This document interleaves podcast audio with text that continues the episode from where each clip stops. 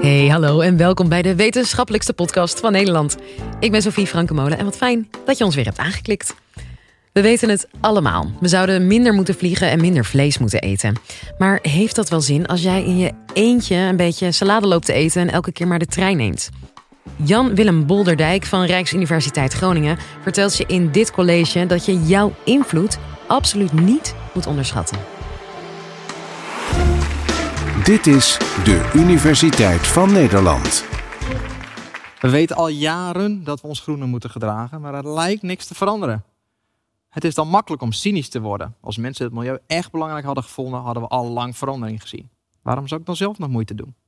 Zolang de meeste anderen nog gewoon vliegen en vlees eten, is mijn bijdrage slechts een druppel op de gloeiende plaat. Dat klopt. Als jij in je eentje niet in een vliegtuig stapt, red je niet direct de wereld. En met een beetje pech word je misschien zelfs als heilig boontje of als moraalridder weggezet. Maar dat betekent niet dat je geen impact hebt met jouw gedrag. Sterker nog, juist nu kunnen individuen zoals jij het verschil maken. Nou, en waarom dat zo is, ga ik jullie in dit college uitleggen. Nou, als eerste wil ik een hardnekkig misverstand de wereld uit helpen. Het klopt niet dat mensen niet om het milieu geven. De meeste mensen willen best een steentje bijdragen aan een beter klimaat of duurzame wereld. 9 op de 10 Europeanen vindt het bijvoorbeeld belangrijk om het milieu te beschermen. De wil is er dus wel. Ja, wat mensen zeggen, denk je misschien, dat maakt niks uit. Het gaat erom wat ze doen. Fair enough, dat hebben we getest. In Amerika notabene. Niet echt een land dat bekend staat om haar milieuvriendelijkheid. Nou, autorijden met de juiste bandenspanning heeft allerlei voordelen. Je remweg is korter, waardoor je veiliger rijdt. Maar je bespaart ook brandstof. Dat is goed voor het milieu en voor je portemonnee. En toch vergeten mensen vaak hun bandenspanning te checken. Nou, wij waren benieuwd welk van deze argumenten het beste werkt om interesse in een bandenspanningscheck te kweken bij Amerikanen. Bij een tankstation plaatsten we vier verschillende reclameborden voor zo'n gratis bandenspanningscheck. Op het eerste bord stond: Do you care about your finances? Get a free tire check. Dus met de juiste bandenspanning rijden scheelt brandstof en dat is goed voor je portemonnee. Laat je bandenspanning checken. Op het tweede bord stond: Do you care about the environment? Met de juiste bandenspanning rijden scheelt brandstof en dat is goed voor het milieu. En op het derde stond: Do you care about your safety? Met de juiste spanning rijden is veiliger. En bij elk van die borden lag een stapeltje coupons. En met die coupons konden deelnemers een gratis bandenspanningscheck krijgen. Nou, en op die manier konden we checken hoeveel van die coupons worden meegenomen. Meer coupons betekent meer interesse in een check. En voor de volledigheid hadden we ook een vierde controlebord neergezet, zonder boodschap. Daar stond dus alleen maar op, laat je bandenspanning checken. We wilden namelijk weten hoeveel mensen die coupon zouden meenemen als we geen enkel argument zouden geven. Nou, wij waren uiteraard benieuwd welk van die borden is het meest effectief om interesse te kweken in zo'n bandenspanningscheck. Nou, opmerkelijk genoeg was er bij het bord Do you care about the environment de meeste interesse in zo'n gratis check. Sterker nog, er werden helemaal geen coupons meegenomen bij het bord met de financiële boodschap. Do you care about your finances? Voor sommigen zal dat verrassend klinken. Amerikanen geven toch meer om hun portemonnee dan om het milieu? Maar ja, denk er maar eens over na. Hoeveel geld verdien je nou eigenlijk met zo'n bandencheck? Niet heel veel. De moeite weegt dus niet op tegen een beloning. En bovendien zijn financiële prikkels niet de enige menselijke drijfveer. Mensen, weten we, streven ook naar een positief zelfbeeld. Ze willen zichzelf zien als goed persoon. En dat motief beïnvloedt hun beslisproces. Hoe zie jij jezelf het liefst bijvoorbeeld? Als iemand die vooral om geld geeft? Of als iemand die begaan is met het milieu? Nou, de meeste mensen, ook in Amerika, zien milieuvriendelijk gedrag als goed moreel gedrag. En ze willen zichzelf ook als goed zien. En dat verklaart waarom die milieuboodschap zo goed werkte. Do you care about, care about the environment? Als je dan een coupon meeneemt, zeg je in feite tegen jezelf: ik ben een goed persoon. Kortom, mensen zeggen niet alleen dat ze het milieu belangrijk vinden, ze handelen er ook naar. Maar als dat zo is, denk je nou misschien, waarom is dan vlees eten en vliegen nog zo normaal? Mensen weten toch dat dat niet goed is voor het klimaat. Nou, om dat te begrijpen, moeten we een ander psychologisch principe van stal halen de invloed van sociale normen. Nou, we zijn tegenwoordig niet meer zo afhankelijk van elkaar en van groepen als in de tijd toen we nog jagers-verzamelaars waren. Toen we op de steppen leefden, had je elkaar echt nodig om te jagen en om voedsel te verzamelen. Dat is vandaag niet meer zo, maar we zijn nog steeds groepsdieren. We houden ons daarom aan de normen die gelden voor onze groep. En die normen zijn vaak heel nuttig. De meesten onder ons vinden het bijvoorbeeld volkomen normaal om geen afval op straat te gooien. En zullen dat ook zeker laten als andere mensen kijken. Maar soms is milieu-onvriendelijk gedrag juist de norm. Als wetenschapper was het pre-corona bijvoorbeeld nog heel normaal om naar buitenlandse conferenties te vliegen. Om daarbij kennis te delen met collega's. Maar inmiddels is die norm van het vliegen naar conferenties achterhaald. We weten dat het vliegen belastend is voor het milieu. En je kunt via allerlei online alternatieven prima kennis delen met buitenlandse collega's. En toch is er nog de neiging om vast te houden aan die oude norm. Want van de norm afwijken is spannend. Juist omdat milieuvriendelijk gedrag wordt gezien als moreel gedrag. Als jij je milieuvriendelijk gedraagt dan je buurman, dan iemand anders, door bijvoorbeeld te zeggen: ik eet geen vlees meer of ik vlieg niet meer, dan kun je anderen onbedoeld het gevoel geven dat ze slecht bezig zijn. Jij bedreigt met jouw groene gedrag het positieve zelfbeeld van de ander.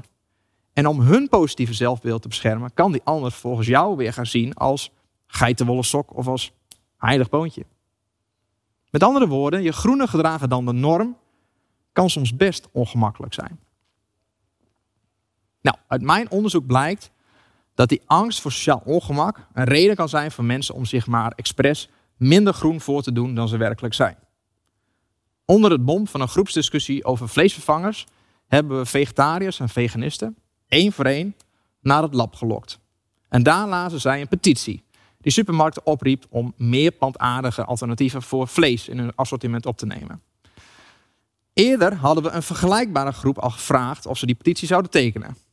Dat bleek het geval. De meeste vegetariërs en veganisten zouden die petitie willen tekenen. Maar eenmaal aangekomen in het lab waren er drie andere deelnemers die hen voorgingen. In werkelijkheid waren dat acteurs die door mij waren geïnstrueerd om de petitie die ze kregen niet te tekenen. Nou, hoe ging dat in zijn werk? De proefleider gaf de petitie aan de eerste acteur met de woorden: Ik heb hem zelf niet getekend, maar doe ermee wat je wilt. Nou, de acteur las de petitie en gaf hem, zonder hem te tekenen, door aan de tweede acteur. Die deed hetzelfde, hij las hem, tekende hem niet en gaf hem door aan de derde acteur. Die tekende ook niet en gaf hem, zonder te tekenen, door aan de deelnemer. En wat deden onze vegetariërs en veganisten, onze deelnemers? In de helft van de gevallen tekenen onze deelnemers de petitie niet. Ondanks dat de petitie bij hun vleesvrije principes aansloot. De sociale normen kunnen ervoor zorgen dat mensen hun groene principes verzwijgen voor anderen en zich aan een norm houden waar ze het eigenlijk niet mee eens zijn. Dus als jij denkt dat je de enige bent, kan het makkelijker zijn en aantrekkelijker zijn om je mond te houden, om niet uit te komen voor je groene principes en met de norm mee te gaan. We zijn immers groepsdieren en je wilt niet uitgesloten worden omdat mensen je misschien niet meer aardig vinden. Maar daardoor draag je onbedoeld wel bij aan het in stand houden van die oude achterhaalde norm. Oké, dat klinkt misschien als slecht nieuws.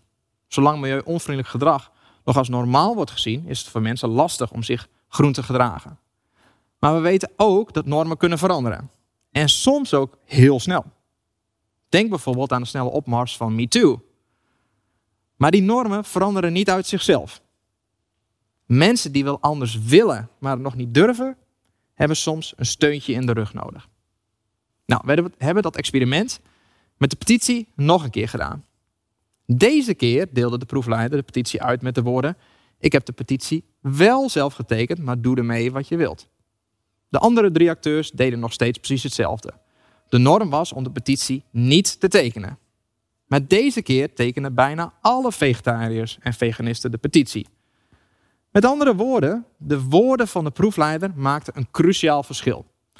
Door te zeggen dat zij de petitie wel had getekend, hadden deelnemers niet meer het gevoel dat ze zichzelf zouden isoleren als ze van de norm afweken. Er is tenminste één persoon die mij steunt. Nou, wat leren we hiervan? Plaats jezelf eens in de schoenen van de proefleider. Het klopt dat je in je eentje niet meteen de wereld redt door een petitie te tekenen of te zeggen dat je een petitie tekent of door als enige niet in een vliegtuig te stappen. Maar je hebt met jouw acties, vaak zonder dat je het zelf doorhebt, wel degelijk invloed op anderen. Met jouw groene gedrag kun je het makkelijker maken voor anderen om ook van de norm af te wijken. En die ander, op zijn beurt, maakt het weer makkelijker voor weer anderen om van die norm af te wijken. Dus met andere woorden, met jouw afwijkende gedrag kun je een sociale kettingreactie in werking zetten. Er is vaak al een minderheid van mensen die zich tegen een norm verzet. Bijvoorbeeld Greta Thunberg of mensen die meedoen aan klimaatprotesten. Maar zij zijn alleen nog niet genoeg. Ze hebben nog niet de zogenaamde kritieke massa bereikt die nodig is om de sneeuwbal uit zichzelf te laten rollen. Maar ze zijn wel dichtbij. Uit onderzoek blijkt dat ongeveer een kwart van de kudde nodig is om de gehele kudde van koers te doen veranderen. En zodra dat kantelpunt bereikt wordt, gaat de sneeuwbal rollen en kan verandering heel snel gaan. Dus juist wanneer er al een minderheid is die zich tegen een norm verzet, en er veel anderen zijn die denken: jullie hebben een punt, maar ik durf nog niet mee te gaan. Juist dan kun jij met jouw gedrag het verschil maken. Je maakt het afwijkende normaal. Goed, om dit college af te ronden. Mensen denken soms: ik kan in mijn eentje de wereld toch niet redden, dus het heeft geen zin om het te proberen. Ik hoop dat je na dit college wat optimistischer bent. Veel mensen vinden het milieu wel degelijk belangrijk en ze willen verandering. Maar ze worden geremd door sociale normen. Jouw afwijkende gedrag kan dus net het domino-steentje zijn waarmee je een sociale kettingreactie creëert. En voor je het weet bereik je een kantelpunt en heb je de wereld toch een beetje gered. Bedankt voor jullie aandacht. Je hoorde Jan-Willem Bolderdijk. Hopelijk vond je het een interessant college. En als je dat nou vond, word dan vriend van de show. Voor maar 2,50 euro per maand kun je ons al steunen. Met jouw hulp kunnen wij twee keer per week een podcastaflevering blijven uitbrengen. Zodat iedereen kan blijven leren van de allerleukste wetenschappers van Nederland. Dus waar wacht je nog op? Word vriend!